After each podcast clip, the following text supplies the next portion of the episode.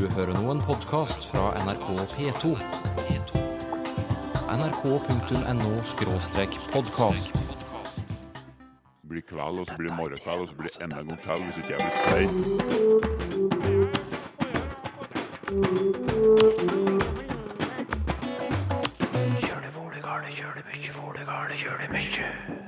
Hvordan virker det hvis sersjanten roper 'løp, da'? Når da er til stede, så blir det mer en forhandling, argumentasjon. Vær så snill og løp. Norsk og vietnamesisk er ikke i slekt, men har allikevel felles trekk. De grunnleggende elementene eller leddene i en setning kommer veldig ofte i samme rekkefølge i norsk og vietnamesisk. Og ordet nips kan spores tilbake til fransk. som tyr noe i retning av eh, små kluter eller filler. Her er et frieri. Vil du gifte deg med meg? Ja. Og her er et annet frieri. Vil du gifte deg med meg? Ja da. Hun svarte ikke bare ja, men ja da. Hva gjør den da-en med svaret hennes, eh, språkforsker Kaja Borten? Ja, her høres jo personen litt mindre entusiastisk ut. Eh, I hvert fall er det en av flere mulige tolkninger av ja da. Eh, Når man har med et da etter en ytring, så antyder man at man sier dette av noe som allerede er gitt. Ja, jeg svarer ja fordi du ønsker det. Og samtidig så antyder man at det er et motsetningsforhold mellom det man sier og andre mulige syn på saken. Her så kan det være at jeg sier ja fordi du ønsker det, til tross for at jeg egentlig hadde tenkt til å si nei. Eller til tross for at du hadde fryktet noe annet. Det er jo litt sånn ekkelt akkurat når det gjelder et frieri, da. Jeg er for glad at jeg ikke fikk det svaret da jeg fridde. Men du, eh, Kaja Borten, du forsker på bruk av småord i eh, språket vårt. Og blant annet på dette etterstilte da. Altså når da står til slutt i setningen. Og nå har du allerede kommentert litt om hvordan et sånt etterstilt da kan påvirke et uh, utsagn. Men skal vi ta noen flere eksempler og se hva som skjer når vi setter da til slutt? Jeg kan jo uh, si eksemplene, og så kan du kommentere dem. Altså, jeg kan si unnskyld. Men så kan jeg også si unnskyld, da. Hvilken effekt har da? Ja, eh, når du sier unnskyld, da, så kan det f.eks. være unnskyld fordi du ba meg om å si unnskyld, og til tross for at jeg kanskje ikke egentlig hadde tenkt å si unnskyld. Hva vil du si er den viktigste forskjellen på å si unnskyld og å si unnskyld, da? Eh, Man høres litt mer forbeholden ut når man sier unnskyld da, og eh, ja, det signaliserer at man ikke helt nødvendigvis mener det. Ja. Et nytt eksempel. Eh, Jeg kan si 'orker du mer nå?' Og jeg kan si 'orker du mer nå, da?' Forskjellen her? Så når da er med, så antyder man at jeg spør orker du mer nå pga. noe jeg nettopp har se- sett. F.eks. at du har tatt masse kake på tallerkenen. Eh, og samtidig så antyder jeg at jeg tviler litt på om du orker mer. Et eksempel til. Ta på deg genseren. Eller jeg kan si ta på deg genseren, da. Hva er forskjellen på de to? Så det siste med da er mer naturlig når man har en eller annen grunn til å si ta på deg genseren.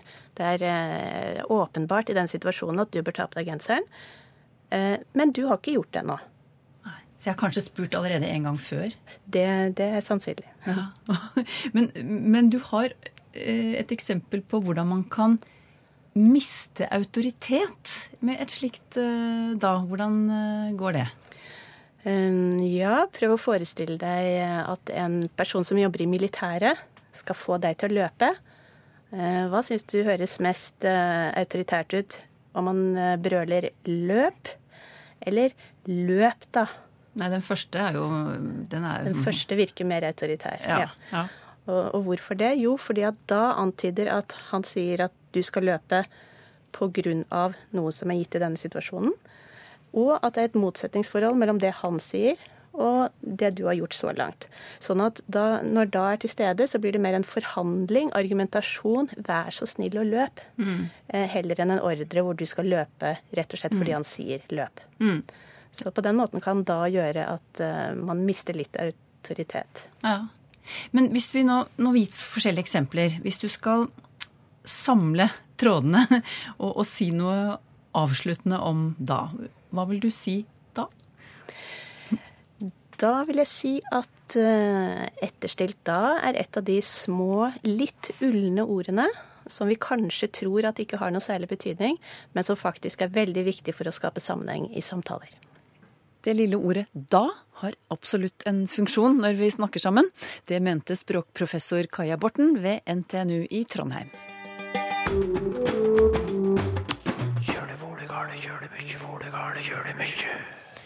Norsk har felles trekk med både kinesisk og vietnamesisk. Det høres litt merkelig ut kanskje, men når du sammenligner språkene på kloden, så kan du gjøre slike funn. Og det handler det om de neste minuttene. Å sammenligne språk. For hvordan gjør vi det, språkforsker Jan Christian Hognestad? Det vanligste er vel å gjøre akkurat sånn som når vi sammenligner folk. Eh, gå ut ifra slektskap. Eh, og sier at eh, språk kan være i slekt og ha en felles stamfar, akkurat som folk kan være i slekt og ha en felles stamfar. Og Derfor snakker vi òg faktisk om genetisk språkslektskap. Norsk og svensk og tysk og engelsk er genetisk i slekt. Og eh, mange kjenner sikkert disse her språktrærne som illustrerer dette, akkurat som slektstreet illustrerer slektskap mellom mennesker. Men så kan vi òg finne eh, likheter mellom språk som er mye mer tilfeldige. Og skulle vi sammenligne det med noe, så måtte det være eh, når vi treffer folk på gata som vi ser at vi ligner på. Ja, det Som- har jeg opplevd. Ja, Det kan jo faktisk være litt skremmende av og til. Ja. Og det er rett og slett folk som f.eks. har felles ansiktstrekk med. Ja, og sånn er det med språk òg. De kan òg ha felles ansiktstrekk, uten at vi kan si egentlig hvorfor. Ja, da brenner vi etter å høre eksempler på språk med like ansiktstrekk. Ja, eh, eh, jeg har jo en tendens til å synes det er veldig kjekt å snakke om tonelag i norsk. Eh, og eh, norske tonelag, altså det at tanken og tanken blir forskjellige ord bare ved den melodien vi synger ordet med, det er ytterst sjelden i Europa. Faktisk blant de aller fleste av våre språkslektninger eh, er det sjeldent, eh, bortsett fra i norsk og svensk, da. Mm. men går vi til helt andre deler av verden, så blir dette plutselig veldig vanlig. Og hvis jeg sier at kinesisk har et system som ligner på dette, men som er noe mer avansert enn det vi har i norsk, og at japansk kanskje har et system som ligner mer på det vi har i norsk, så er det sånne ansiktstrekk. For ingen vil påstå at norsk er i slekt med verken kinesiske språk eller med japansk. Jeg nevnte jo at vi hadde noen felles trekk eh, med vietnamesisk også, sa jeg i innledningen her. Eh, Hva går det ut på? Det går ut på at eh, de grunnleggende elementene eller leddene i en setning kommer veldig ofte i samme rekkefølge i norsk og vietnamesisk. Et ganske enkelt eksempel. 'Jeg spiser middag', sier vi jo på norsk. Ja. Eh, vi sier ikke for eksempel 'jeg middag spiser'.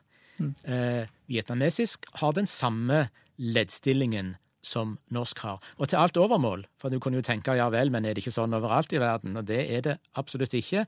Og det som norsk og vietnamesisk har, er til og med ikke den mest vanlige måten å si det på, for det mest vanlige er faktisk 'jeg middag spiser'. Uh, og dermed så finner vi en, eh, om ikke akkurat særegenhet, så iallfall et fellestrekk uh, mellom norsk og vietnamesisk på hver side av jorda, og helt uten genetisk slektskap. Ja.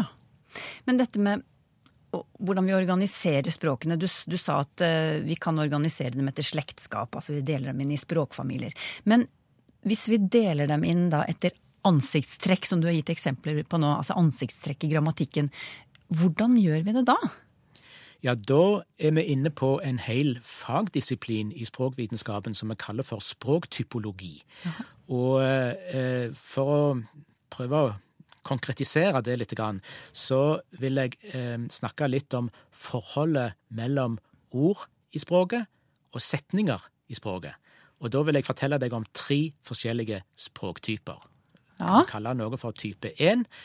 Og det kan da være språk der ordene så godt som ikke bøyes i det hele tatt. Har ingen bøyning.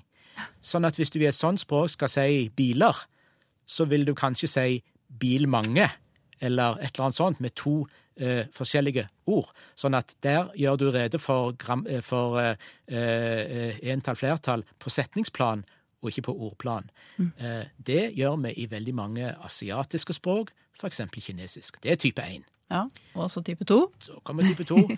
Det er språk som har bøyning, og som er veldig enkle når vi ser på dem, og analyserer, analysere. For eh, der er det veldig lett å se hva som er roter i et ord, hva som f.eks. er flertallsendinger i et ord, hva som er kasusendinger i et ord, for de kommer pent og pyntelig på rekke og rad. Sånn er det en del språk som er, og et godt eksempel på det i eh, vår del av verden, for så vidt, det er tyrkisk. Det er type 2. Så langt høres det ryddig og greit ut, men så frykter jeg den tredje kategorien. Er den like grei, eller er det noe Nei, den karakteriseres nettopp av at han ikke er like grei. Eh, For da kan du tenke deg eh, et språk som har bøyning eh, inne i ordene, men der det ikke er så lett å se hvor, hverken hvor grensen mellom de ulike bøyningsendelsene eller eh, de, de ulike elementene går, eh, og der ett og samme element kan ha mer enn én funksjon. Det må du forklare litt Ja, nærmere. det skjønner jeg at jeg må forklare nærmere. Uh, hvis vi skal ha et eksempel på at grensene ikke er så lett å se, så kan vi jo ha det gode norske substantivet ei gås. Ei gås, flere gjess. Ikke sant? Ja. Flertallsendelsen står ikke der, så man kan ta den i hånda og, og se på den. Eh, ikke lett å se hva som er eh, rot, og hva som er endelse. Mm. Og en annen ting kan være, ja, la oss si et enkelt ord som eh, bilen. Den bøyningsendelsen en. Ja. Den betyr, kan vi si, ikke mindre enn tre ting. Den viser til at det er hannkjønn, den viser til at det er bestemt form, og den viser til at det er entall. Og da er det ikke en masse endelser som kommer på rekke og rad, men alle disse funksjonene er komprimert Ja. i en og samme endelse. Og språk som er komplekse på den måten, det er, er type tre-språk. Ja. Så er norsk et type trespråk, det da? Ja, eh, her tror jeg vi må si at norsk har trekk av type 3. Men skal du finne virkelig gjennomførte type 3-språk, så tror jeg kanskje du skal f.eks. gå til slaviske språk, altså russisk og polsk og sånn. Men eh, norsk har altså visse trekk av det. Men, men du, disse ansiktstrekkene som du har beskrevet nå, la oss kalle dem det ansiktstrekk i anførselstegn, de kan endre seg i et språk, sier en teori. Og hva slags tanker er dette? Da tenker du sikkert på en eh, ganske bestemt teori som oppsto på 1970-tallet, tror jeg det var. Den har jeg veldig lyst å snakke litt om, men samtidig må jeg si at den er nok ganske så kontroversiell. Eh, mange vil være uenige i at eh, det er sånn som denne teorien sier, men når det er interessant å snakke om det, så er det fordi at jeg syns det, det er en så spennende tanke at jeg tror at eh, folk vil være interessert i å få høre om den. Ja, nå har du solgt den skikkelig bra inn her. Ja, ikke sant? Nå er vi spente. Ja. Eh, den går ut på at hvis vi tenker oss at vi reiser rundt i verden, og la oss tenke oss at vi, for å snakke i litt store bokstaver, finner språk som er sånn noenlunde type 1-språk, og type 2-språk, og type 3-språk, sånn som jeg sa i stad, så vil denne teorien ha det til at det er bare de stadiene som de språkene befinner seg på akkurat i dag. Vi fryser så å si utviklingen, og så avleser vi hvordan disse språkene er i dag, typologisk. Og så sier altså denne teorien at gjennom, og da må vi ikke bare si århundrene, men årtusenene, så gjennomgår språk en stadig og uavvendelig utvikling, slik at de etter tur er innom alle de tre typene. Det høres jo rimelig utrolig ut, kanskje. Syns Ja. du det? Ja, jeg, jeg, ser, jeg ser for meg denne sirkelen jeg nå, og så språkene som sånne punkter som seiler rundt langs Ja, kanten, ja, rundt og rundt, og det går århundrene og årtusenene går. Ja. Eh, ja det var Eh, et fint bilde. ja, og da, da kan du tenke deg at hvis du har et type 1-språk, et sånn et bil-mange-språk, eh, så kunne du tenke deg en utvikling der de to ordene på en måte gror sammen, sånn at de over tid ikke blir to ord, men ett ord, og der det mange ordet blir en bøyningsendelse istedenfor et eget ord. Og når sånne ting skjer, så er type 1-språket i ferd med å utvikle seg til et type 2-språk. Og hvis du da får et sånt et språk som tyrkisk, med masse flotte endelser på rad og rekke, så kan en tenke seg at grensen mellom disse eh, endelsene pga. lydendringer og ting som kan skje, blir mer diffuse. Det blir vanskeligere å se hvor grensene går, og da kan et type trospråk, ifølge denne teorien, utvikle seg til et type trispråk. Ja, men, men da, hvis det er slik som denne teorien sier, da, at alle språkene i verden beveger seg rundt i en sirkel og avanserer fra type 1 til type 2, og så beveger seg videre type 3, hva skjer etter at de har nådd type 3? Ja, For de fortsetter jo denne bevegelsen ja, i sirkelen. Ja da, og nå spørs det om du er villig til å svelge det siste, siste kapittelet i, i denne historien. Eh, for da går det ut på at type 3-språkene langsomt, men sikkert får grammatikken sin slipt ned. Altså at det kanskje på grunn av samfunnsforhold, kanskje av mange ting, så skjer det så mange forenklinger i grammatikken i språkene at en faktisk ender opp med et språk med lite grammatikk inne i ordene, og da er vi tilbake til kinesisk igjen. Og vi har gått, for å si det sånn, en full sirkel. Men hvorfor skulle det skje? Hvorfor skulle det være en slags sånn regel at når du har nådd eh, type 3, så går du tilbake til type 1 igjen? Ved neste korsvei? Ja, altså For det første så eh, er det jo veldig mange eksempler på akkurat det jeg sa, nemlig at språk får grammatikken sin forenkla. Mister kategori etter kategori etter kategori i grammatikken sin. Og da kan en rett og slett tenke seg at en ender opp med et språk som er eh, like enkelt på ordnivå som disse type 1-språkene. Og da har vi faktisk gått en sånn full sirkel. Og det er nettopp sånne ting som gjør eh, at noen forskere altså har valgt å våge å påstå at denne sirkelbevegelsen faktisk er reell. Ja. Har du et eksempel da, på et språk som har vært innom både 1, 2 og 3, og så har uh, fortsatt videre og blitt forenklet og er tilbake på 1 igjen?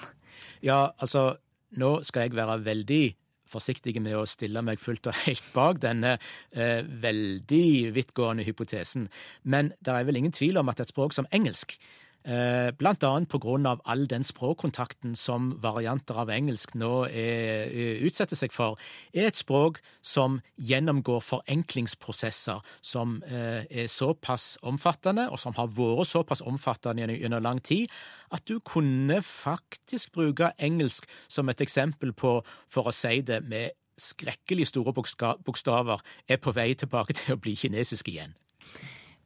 Denne teorien som vi har snakket om nå, du sier at den er kontroversiell. Hvorfor er den det?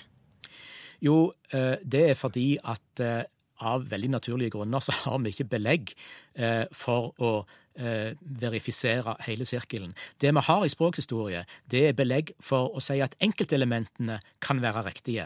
At et type 1-språk kan bli type 2, at type 2 kan bli type 3 osv.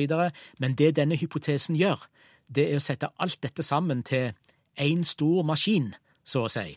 Eh, og det er nok både kontroversielt, og vi kunne sikkert gå så langsomt til å si at det er spekulativt. Men for det første så syns jeg det er litt gøy av og til å tillate seg å spekulere. Og så vet du jo òg det, det vet vi alle, at dristige hypoteser har mer enn én gang brakt vitenskapen framover. Så derfor litt spekulasjon i dag. Det sa Jan Christian Hognestad, språkforsker ved Universitetet i Stavanger.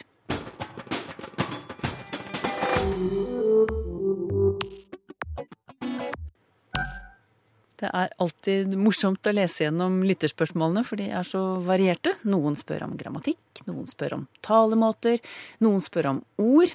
Blant andre Sekk mesiko gjør det. Det gjelder ordet nips. Hva kan du si om det, Sylfest Lomheim?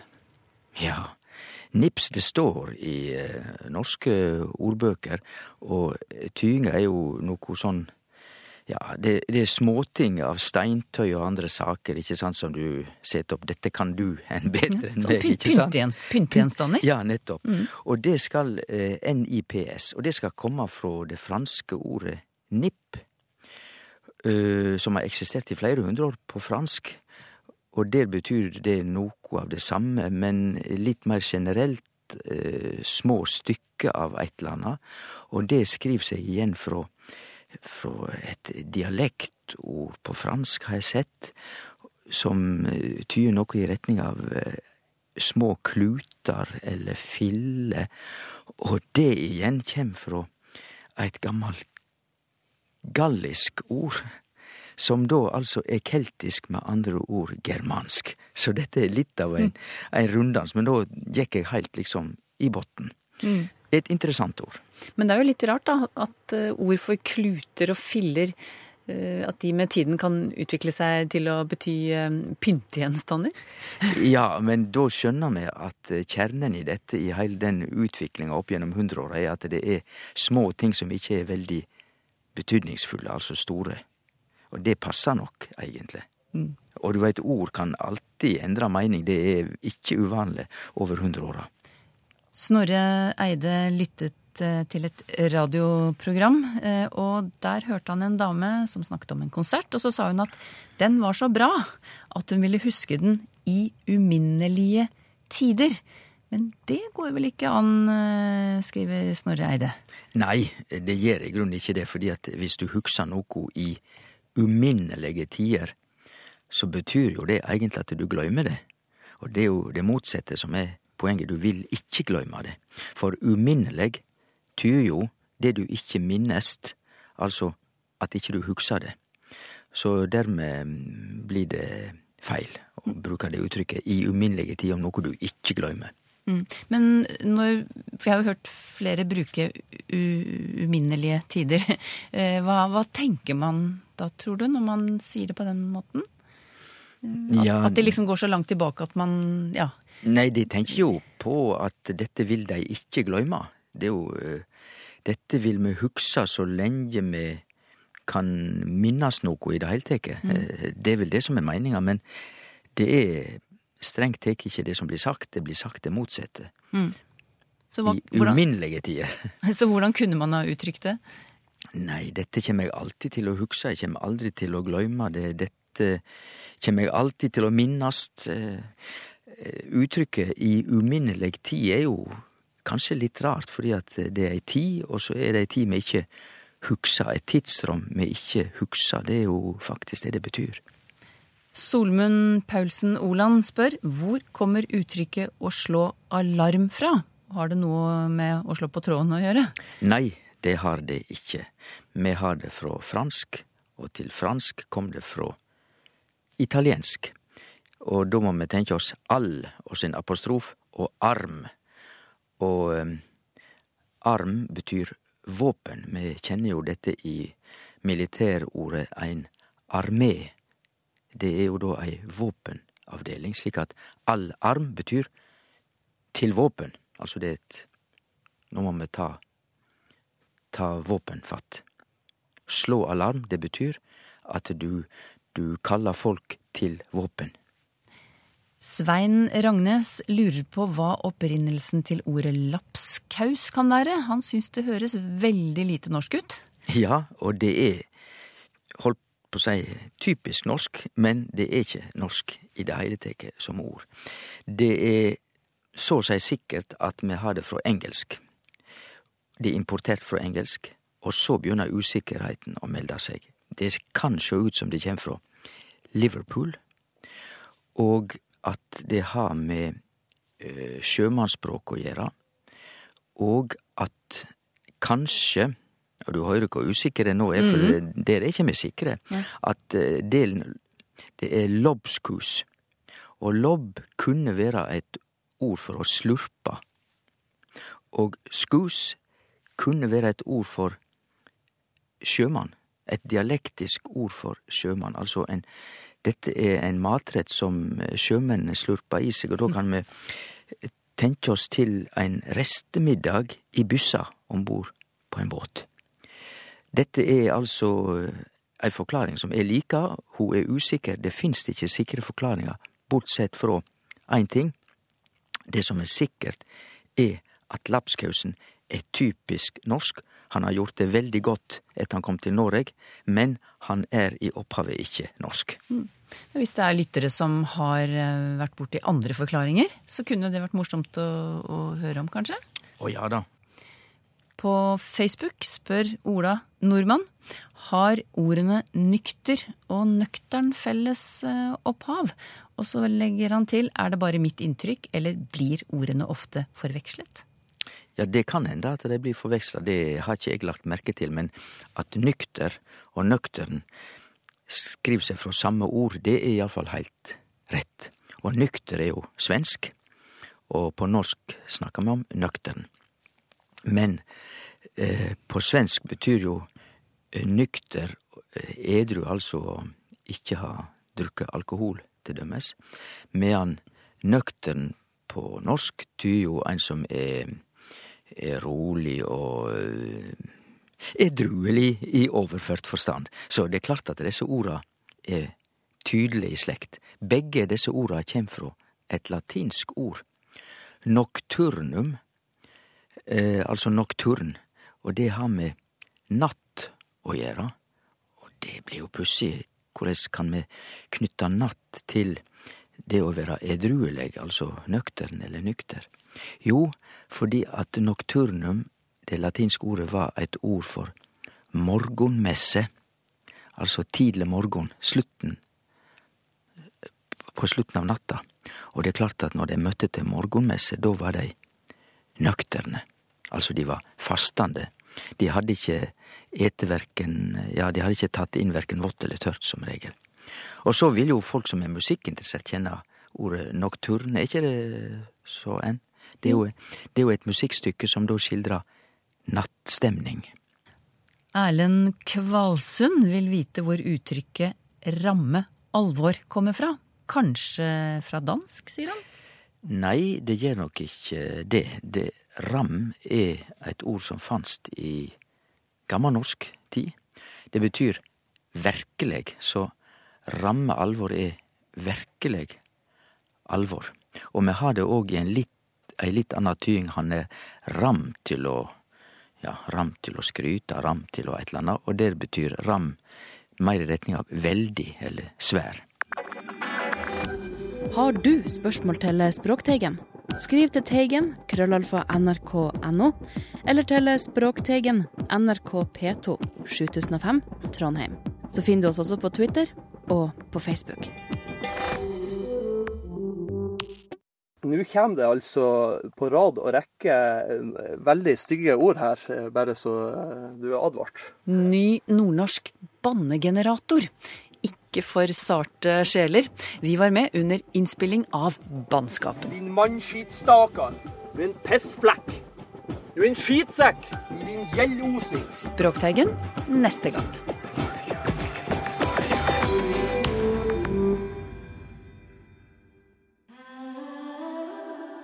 nrk.no podkast.